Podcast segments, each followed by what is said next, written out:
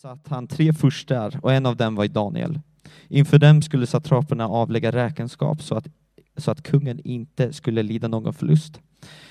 Men de, Daniel utmärkte sig framför de andra furstarna och satraperna för att han hade en, en, en ande utan like och kungen övervägde att sätta honom över hela riket.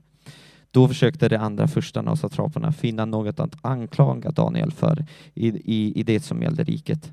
Men de kunde inte finna något att anklaga honom för eller något brottsligt hos honom e-, eftersom han var trogen i sin tjänst. Det fanns varken försumlighet eller ohederlighet hos honom. Då sade männen, vi lär inte hitta något att anklaga den där Daniel för, ifall det inte gäller hans gudstyrkan.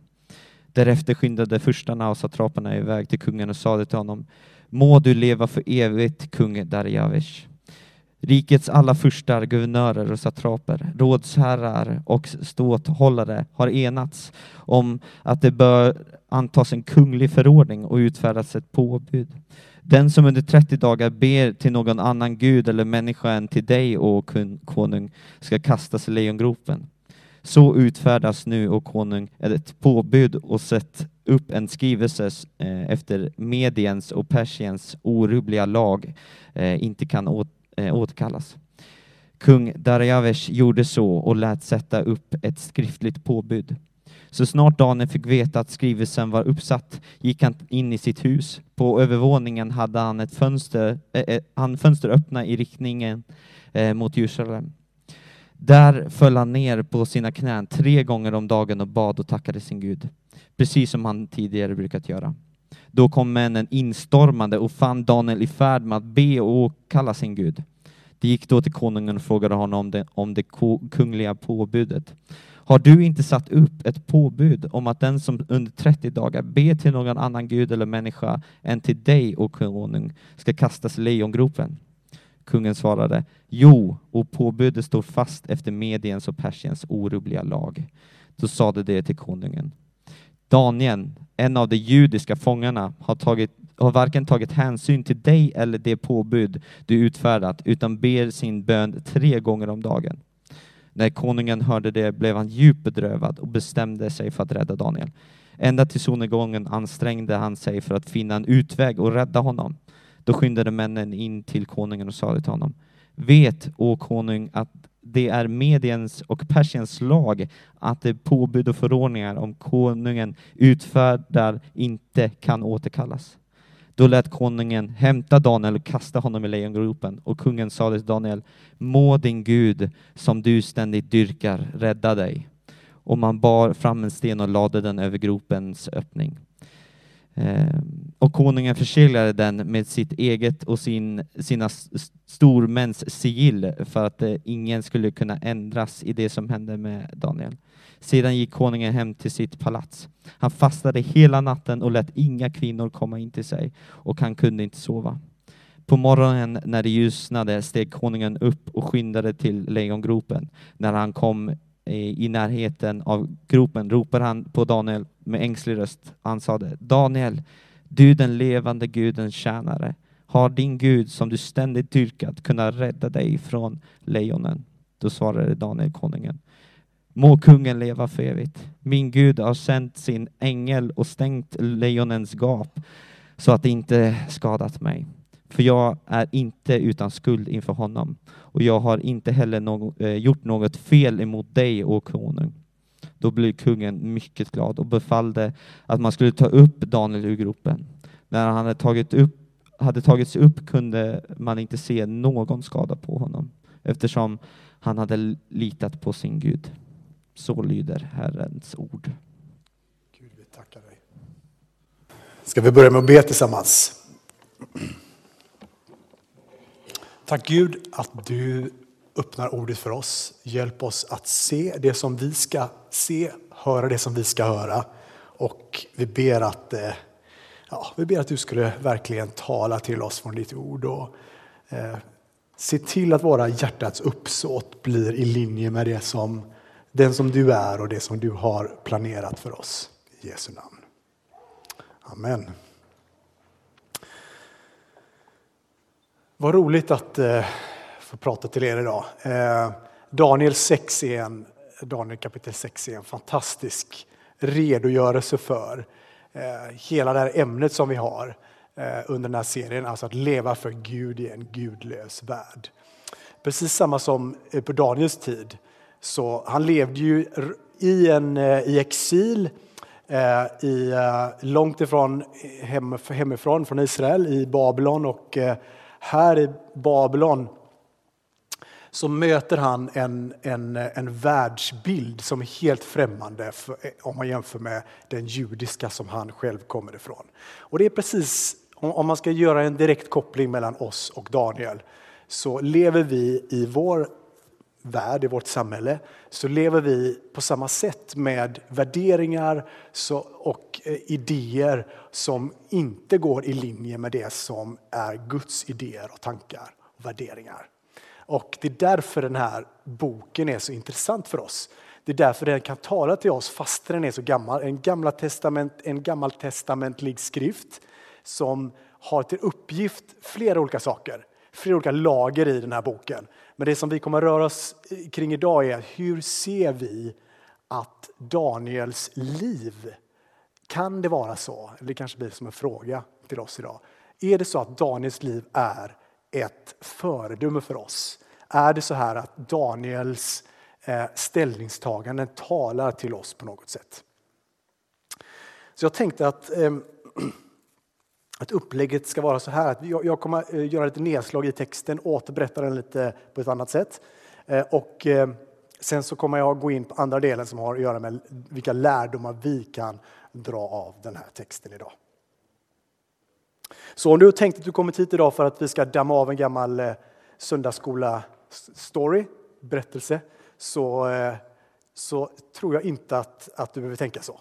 Utan den här berättelsen är relevant och är, som vi ska se, eh, nyttig, matnyttig faktiskt för oss, tror jag.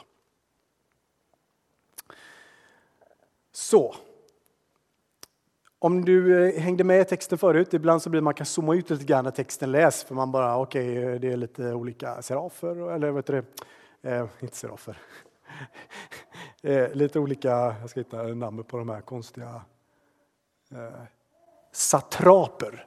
Eh, det verkar vara en, eh, en idé som inte, som inte jag har hört talas om, en ledare som heter det, men det var något som man eh, på den här tiden valde att kalla då de här 120 stycken som var satta för att vara en del av olika, hela imperiet. Så hade man 120 stycken små förstar och över dem var det tre stycken stora furstar som hade de här 40 stycken var. Alltså man hade 40 stycken satraper under sig och Daniel blev utsedd att vara en av de här Eh, eh, furstarna över satraperna. Eh, han fick genom detta, Daniel, eh, väldigt mycket makt. Han fick formell makt given av kungen som han kunde agera på. Sen när kungen då eh, funderar på, men hur, han, Daniel, det går ju så bra för honom. Han, över hans 40 gubbar så, så det går så bra i hans del av landet så att jag tänker att jag ska nog sätta honom över hela eh, landet, göra honom till nummer två. Eh, och varför har han fått den här idén, kungen?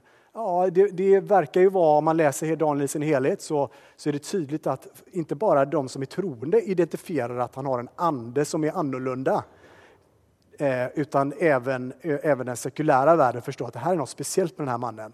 Så han har uppenbarligen liksom någon typ av relationell eh, makt med kungen. Alltså i relation med kungen så har han fått förtroende. Så han har formell makt, han har eh, relationell makt och han har gudomlig makt för att anden bor i honom. Han har en ande som är annorlunda än alla andra. De här tre utgör ett enormt hot mot de andra antagligen korrupta ledarna. Så de tänker, det här är ju inte, eh, här, han är för bra helt enkelt. Han är för god, han har för mycket, eh, för mycket makt totalt sett. Och en konspiration eh, föds.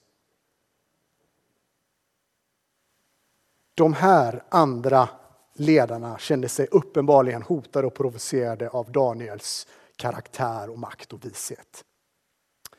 Så de försöker eh, ta död på hela Daniel genom att försöka hitta någonting hos honom som det här är i hans karaktär eller hur han har skött sina affärer och märker att det här finns ju ingenting vi kan hitta, honom, hitta på honom. Utan eh, vi, vi, eh, vi får helt enkelt gå tillbaks till ritbordet och fundera ut. Och så tänker de och så bara, nej men okej, nu kommer vi på en grej. Hans gudsdyrkan är ändå någonting som skulle kunna vara någonting vi kunde fälla honom för. Så de sjösätter en ondskefull plan. Eh, alla ledare, så alla ledarna är med på det här. Eh, och så kommer de till kungen och säger det här dekretet, eh, godkänn det här. Vilket ja, det bara säger typ att man ska bara tillbe dig. Liksom. Och kungen, han blir ju bländad av den här, de här. De kommer till honom och säger att du är värdig all makt. Varför ska man tillbe någon annan än dig, store konung? Och det är klart att han blir bländad av det. Han tänker att Nej, men det låter väl, låter väl rimligt. Eh, maktfullkomlighet eh, kanske till och med lyser i hans ögon. Han vill ju ha mer makt och han ser att alla de här småfurstarna, de tänker att du är bäst, liksom. du är den som vi ska följa. Ingen annan ska få vara med. Så tar de och går allihopa, står det, som en mobb, en någon sorts ledarmobb, går de till Daniels hus och så i och med att han har öppnat, han har liksom en, eh, man skulle kunna se framför sig en eh, stora fönster som, som är vetter mot Jerusalem, alltså mot väster.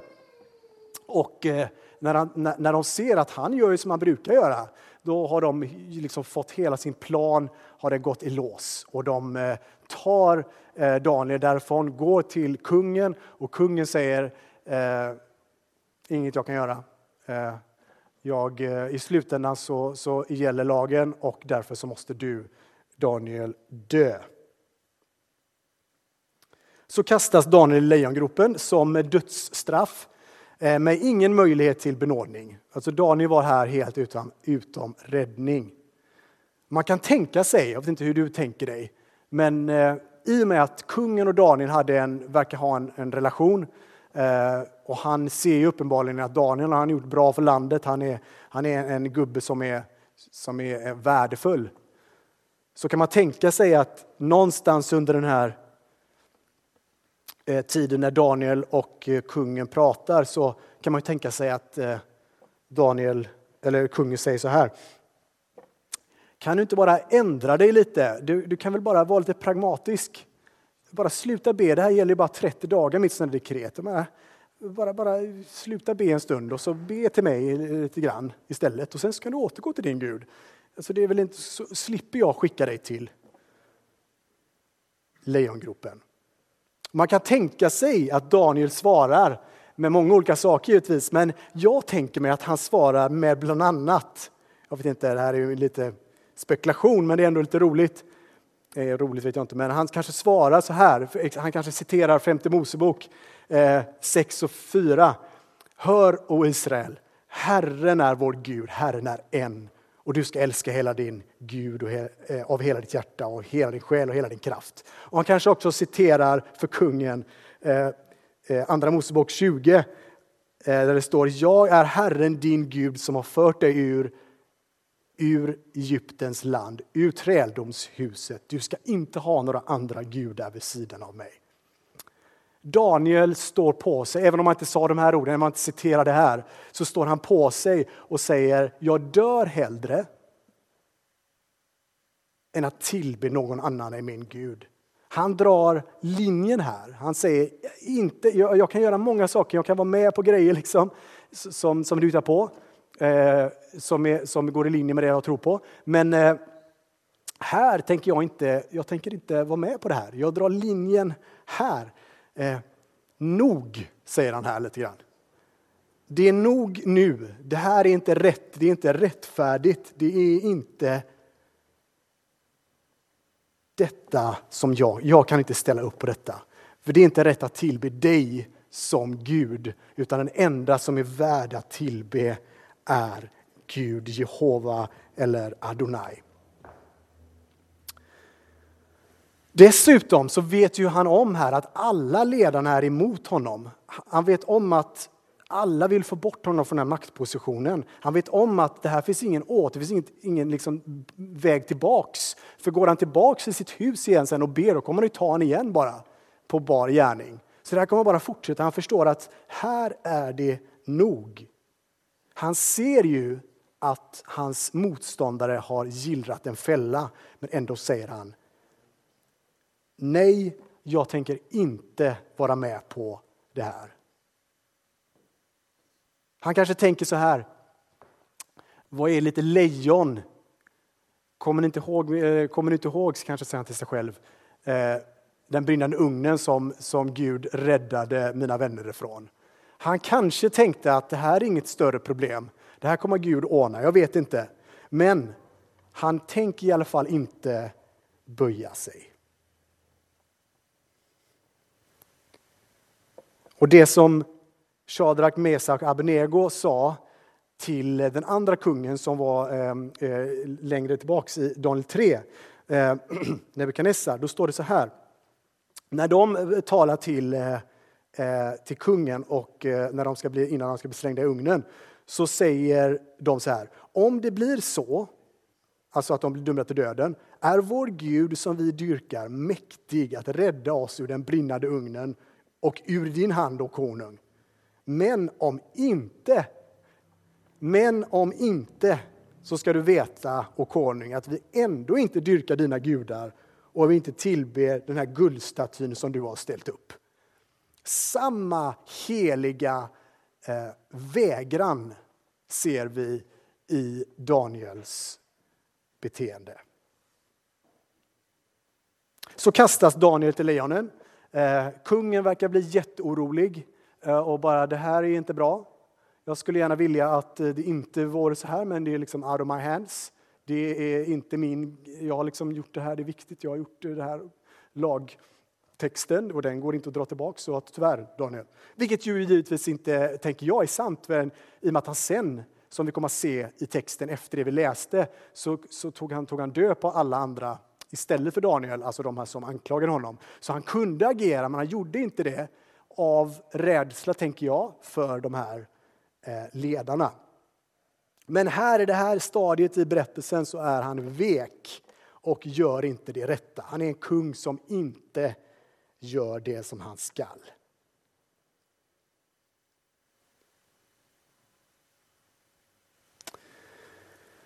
Det såg ut att bli som världens succé det här. Det var ju liksom, allting är upplagt för att, jag menar de, de kastar Daniel i lejongropen, de rullar för stenen, det finns ingen återvändo, de sätter sigillet på. Det går inte att ändra lagen. Eh, det såg ut som en säker vinst för alla Eh, ledare som, som, som hade gått i maskopi mot Daniel.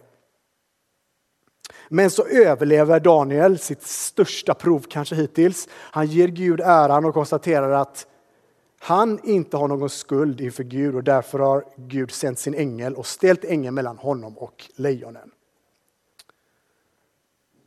Och sen i berättelsen som vi inte läste i texten, så, som fortsätter, och då är, händer det så här att kungen märker att Daniel har blivit mirakulöst räddad undan döden. Och då vänder allting sen till Daniels favör. Kungen slänger istället det som anklagat Daniel i lejongropen och det blir dödade av lejonen. Och kungen deklarerar att, eh, att alla i det här pluralistiska samhället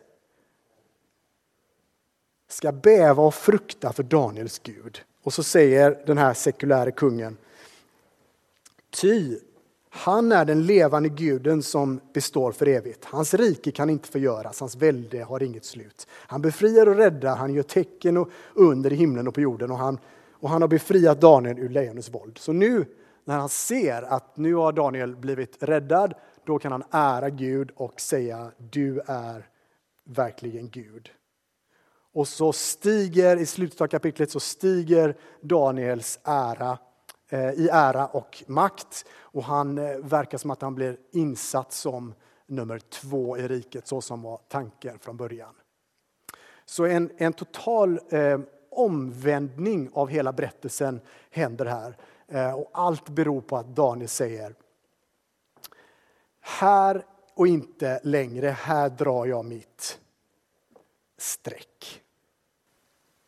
Hela den här berättelsen ekar orden från Psaltaren 57. Ska vi få upp den? Saltaren 57. Då står det så här, han sänder sin hjälp från himlen och frälser mig när mina förföljare hånar mig. Gud sänder sin nåd och sin sanning. Min själ, själ är omgiven av lejon. Jag ligger bland människoätare med tänder som spjut och pilar och tungor som skarpa svärd. Visa din höghet över himlen, Gud, och din härlighet över hela jorden. Det lägger nät för mina fötter, min själ är nedböjd. Det gräver en grop för mig, men de faller själva där i. Så Daniel han stod i gapet för hela det judiska folket när han representerade dem i att stå fast för att kunna tillbe sin Gud. Babylonerna kunde nu konstatera att det var livsfarligt att förfölja den här lilla minoriteten judarna. Eh, de har både bak i tiden eh, ugnen och hur Shadrach, Mesak och Abednego eh, sågs eh, överleva. Och man har sett här eh, hur Daniel överlevde lejonen.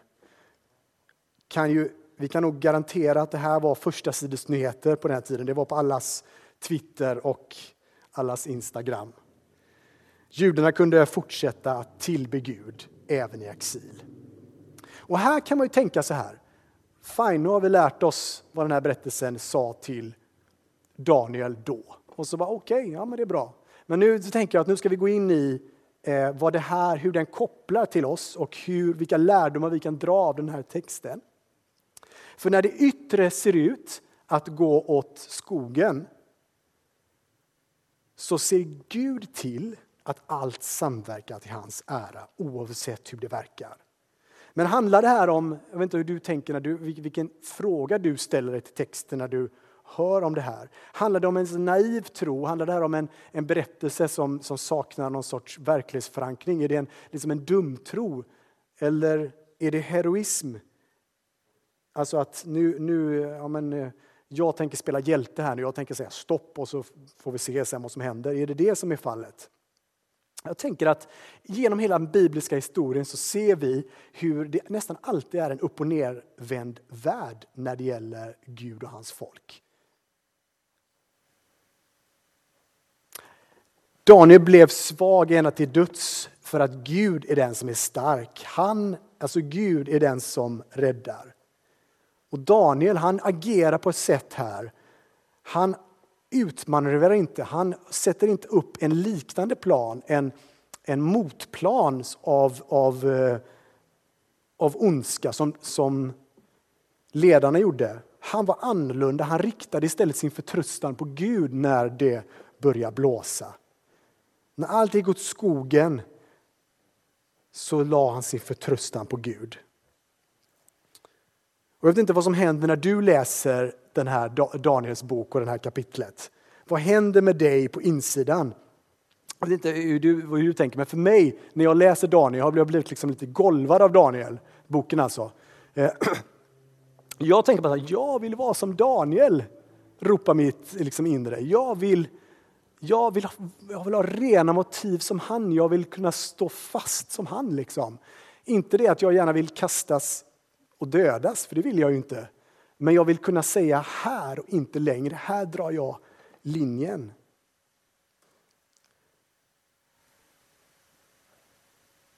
Jag vill vara som Daniel. Ekar, jag vill vara som Kristus. För Daniel är en Kristusförebild som vi ska se. Så när jag säger jag vill vara som Daniel så säger jag egentligen jag vill vara som Kristus. För att Kristus var än mer perfekt. Han var än mer hade rena, ännu mer rena motiv.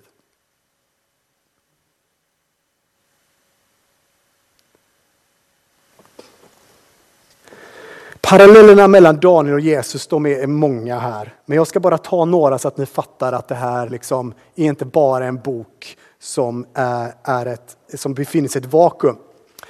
Daniel han var oskyldig. Och man kunde inte hitta något att anklaga honom för. Jesus han var utan synd. Ändå blir båda dömda till döden. Ledarskapet konspirerar och drar Daniel inför kungen. Jesus fängslas och ställs inför ståthållaren Pilatus. Kungen försöker senare befria Daniel. Pilatus vill ej döma Jesus. Båda två låter sig övertalas av ledarna för folket. Stenen rullas för lejongropen. Stenen rullas för Jesu grav. Stenen rullas bort från lejongropen. Daniel lever. Stenen rullas bort från Jesu grav. Jesus lever. Daniel återfår sin forna plats som regent. Jesus sitter på högra sidan av Gud, Fadern i himlen. Därför pekar hela berättelsen om Daniel mot Kristus, mot den räddare, mot den perfekta personen som skall komma. Så om vi har gjort klart det, att det här är en Kristusförebild, så finns det lite andra intressanta saker som jag vill ta upp också här. Daniel slutade inte att be. Och Det här är en av eh, teman i den här texten som jag bara vill lyfta upp lite grann. Han slutade inte att be. Eh, Daniel hade den här, han bad tre gånger om dagen. Nu behöver det inte vara så här, nu tänker du så här, ja men det är ju typ som muslimerna gör. De vänder sig mot, som hade stod att han vände sig mot Jerusalem. Ja, men vi, det är typ samma grej då. Eller jag tänker att det här var hans blodomlopp. Jag tänker att det inte finns så många sådana kopplingar, utan det här var någonting som han gjorde minst tre gånger om dagen. Han tog tid, fast han hade ett sekulärt jobb, så gjorde han detta tre gånger om dagen, vilket är liksom en helt naturlig sak på den här tiden för, för judarna. Han hade den här eh, rutinen, för han, var en, han hade de här eh, heliga andliga rutinerna, för att han var en bönens man. Det var i hans blodomlopp. Det var därför han inte kunde stå ut med att inte be under 30 dagar. Det gick inte. Han visste att allting kretsar kring att jag får hänga, får ha relation med min Gud. Precis som Jesus eh, retirerade till ensamhet och bön så retirerar Daniel alltid till denna bön. Den ultimata situationen för Jesus var Getsemane där Jesus retirerar till bön i den svåraste stunden. Daniel i sin svåraste stund retirerar till bön och säger Gud, hjälp mig, står det i texten. Och Det kanske är att Daniel läser ungefär samma bön som han, det behöver inte vara, det här är lite spekulation, men utifrån kapitel 2 så i, i Daniel kapitel 2 så säger han så här. Lovad är Guds namn från evighet till evighet, för vishet och makt tillhör honom. Han låter tider och stunder skifta, han avsätter kungar och tillsätter kungar. Han ger det visa deras vishet och det förståndiga deras förstånd. Han uppenbarar det som är djupt och fördolt. Han vet vad som finns i mörkret och ljuset bor hos honom. Kanske han startar sin bön när han vet om att snart kommer de här efter mig. Snart kommer de att försöka ta mig på bar gärning när jag ber. Han kanske säger, hjälp mig nu i den här situationen. Ge mig din styrka, Gud. Och så kan vi se återigen hur förebilden för vad som, vad som kommer att hända när Jesus är i ett semane. Samma sak uppspelas Kanske säger Guds ande till Daniel, se nu de här som ska ta dig. Du måste gå med dem, men sen kommer jag att rädda dig. Kanske sa Gud till honom, här, jag ger dig min styrka. Jag vet inte hur det är med dig, men när jag läser Daniel och hör om hans envishet så provoceras jag först. Det första jag tänker är så här bara, Ah, kan du inte bara liksom sluta en liten stund, sluta be, var lite pragmatisk, vänta lite grann och be bara då. Du kan väl hålla upp i 30, 30 dagar, vad är 30 dagar? Liksom, det här är löjligt liksom. Det är min första reaktion när jag läser texten, kom igen nu, vad är det här för dum story? Det är min första reaktion. Sen min andra reaktion så börjar jag tänka på mitt eget böneliv, hur oregelbundet det är. Hur mycket mer jag skulle vilja vara som Daniel och så blir jag, utan att känna mig fördömd, för det tillhör inte den som är troende. Men jag tänker hur är det egentligen mitt böneliv? Vad är det jag retirerar till när det börjar blåsa? Och sen det sista som händer i någon sorts process här nu då, är att jag börjar längta efter Daniels böneliv. Den här djupa, äkta, beroendeframkallande relationen som i bönen får sitt uttryck.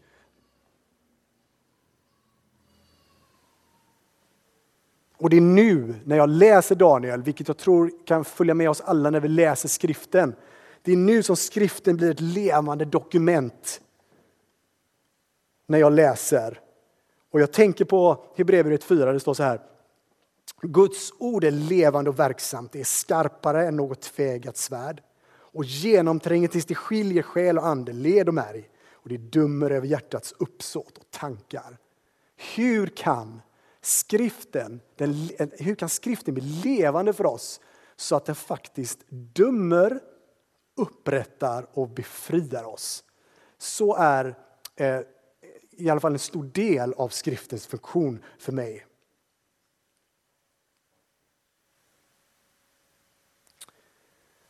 En annan reflektion kring den här texten som jag tror kan koppla in till vår värld idag. Alltså Daniel hade ett vanligt jobb. Han hade ett sekulärt jobb som du och jag. Nej, inte jag, jag har inget sekulärt. Jag, jag har mer ett sånt här typ av kyrkjobb kan man säga. Eh, men men den andra då. Ett, ett, ett, när man har ett, eh, ett vanligt jobb ute i samhället Eh, så är det så intressant att se hur Daniel agerar. Att han är inte först och främst vad man nu är för något, vad du är för lärare, eh, ingenjör, eh, professor, vad du nu är för någonting. Hans identitet var inte först och främst i att han var en väldigt högt uppsatt chef för han var beredd att låta det bara försvinna direkt. För han visste att först och främst så är jag Guds barn. Jag är en jude av judar. Jag tillhör den levande guden och han kommer att rädda mig vad som än händer. Så han var liksom först och främst jude. Han var först och främst Guds tjänare. Men han jobbade ju för imperiet, som vi Vi jobbar för någon arbetsgivare. Och här tänker jag att Daniel är ett, ett föredöme för oss. För att han tänker inte låta sig styras av eh, någon annans dekret. Det som någon annan säger åt honom, som går i, när, när det är så att när vi jobbar på våra jobb och så ser vi att någonting går inte i linje med det som jag kan stå för. Du kanske blir uppmanad att gå till, till något möte och så kan du säga, ja men kanske din chef säger så här, det bara spekulerar lite. Eh, om du eh, går till det här mötet så, så gör det, men säg nu inte allting om hur dåligt det är på vårt företag. Eller säg, kan du inte bara säga att eh, det här, vi har, vi har, den här produkten har sålt bra. Liksom, den, den är tillräckligt bra fastän vi vet att den är skit. Förstår du, förstår du poängen här? Du blir uppmanad att göra och så säger du, och då kanske du säger så här. Visst, det är lugnt, jag gör som du säger. Så tänker jag att Daniel inte hade gjort. Jag tänker att när Daniel blir mött av någonting som är tokigt så säger han här men inte längre. Oavsett om jag måste sluta mitt jobb, oavsett vad som än händer så tänker jag inte ställa upp på det här som är fel. Och hur vet man vad som är fel? Guds ande som bor i oss som är troende kommer alltid att visa på sanningen. Så att om du tänker så här, men vad jag vet vad som är fel, men du vet ju vad som är fel och rätt. För att Gud har lagt ner det både i alla människor, vad som är rätt och fel, men extra mycket hos dig. För anden kommer hela tiden peka mot evangeliets sanning om vem Gud är, vad som är rätt och rättfärdigt, vad som är det sanna livet i, en, i efterföljelse. Så en liten, liten sån här, liten du kanske tycker det här låter lite konstigt nu. Och det, det, kan vara det. Men, men du, du har egentligen en annan arbetsgivare. Och eh, ah, jag har Gud som arbetsgivare. Det blir väldigt märkligt om du säger det. Så här, ah, men, men jag är, jag är, du är inte min arbetsgivare, om det nu är din chef pratar om, utan jag har en annan arbetsgivare. Det behöver du inte säga givetvis. Utan, utan, eh, utan poängen här är ju att du följer en annan, ett annat rike, en annan idé, en annan, en annan världssyn där det som du tror på får styra dig och inte tvärtom. Alltså det som, du, det som du möter, om det är någonting som inte går i linje, då säger du nej, hoppas jag. Men är det konstigt att säga att Gud är ens arbetsgivare? Ja, lite kan, för du har ju en liksom verklig arbetsgivare. Men vi måste skilja på att ge dem makt över oss. Förstår ni nu här? Utan att det ska bli för sekteristiskt här nu så, så menar jag bara så här. Eh, Gud är livsgivaren. En arbetsgivare, han fixar med det som Gud har gett. Det finns dåliga och bra arbetsgivare. Var hos en bra arbetsgivare. Eh, är han inte bra och du behöver ljuga, ta en annan arbetsgivare. För Gud är den som ger dig allt det du behöver. Så var inte slav under fel system. Tänker jag att, det här, att Daniel säger till oss. Och eh, vi behöver, tror jag, när vi läser Daniel, lägga vår förtröstan på rätt källa. Vi behöver koppla vårt värde till att vi är Kristi efterföljare först. Och jag frågar mig när jag läser den här texten, är jag beredd att ge upp min identitet som chef eller, eller inte? Kan jag lägga allt det där åt sidan och bara säga det där är någonting som inte är min identitet, det är någonting som jag gör. Jag gör det för att jag tjänar dig i allt det som jag gör dagligen. Är jag först en lärjunge och sedan anställd? Jag hoppas att vi kan säga ja. Och är det tvärtom så tror jag att vi kan säga Gud, hjälp mig att ändra mitt tankesätt så att jag följer dig före allt. Sista delen, några minuter till. Daniels bok är ett fantastiskt testament i att Gud är med oss i våra prövningar. Han är den fjärde mannen i ugnen. Han står mellan dig och vilddjuren. Och jag önskar att vi kunde säga, även om du inte räddar mig från det här, så vill jag ändå gå denna vägen. Även om jag inte förstår allt, även om jag tvivlar, så vill jag ändå följa dig, Kristus. Och då, när vi inte längre är rädda för konsekvenser av vad samhället kastar mot oss, så skulle vi kunna säga, precis som Daniel, om jag till och med dör så tänker jag göra det som är rätt. När du möter dina lejon, när du möter din ångest, dina motståndare, dina inre problem, den yttre pressen. Så vet om att Gud är den som räddar och låt oss därför säga som vi läser i Hebreerbrevet 12 och 2.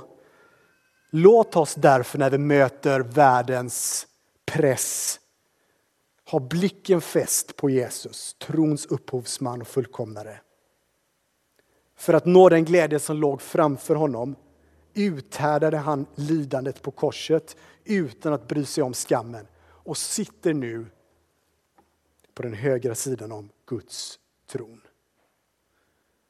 Låt oss som Daniel förtrösta helt och hållet på Gud när vi möter livets alla säsonger och utmaningar. Amen.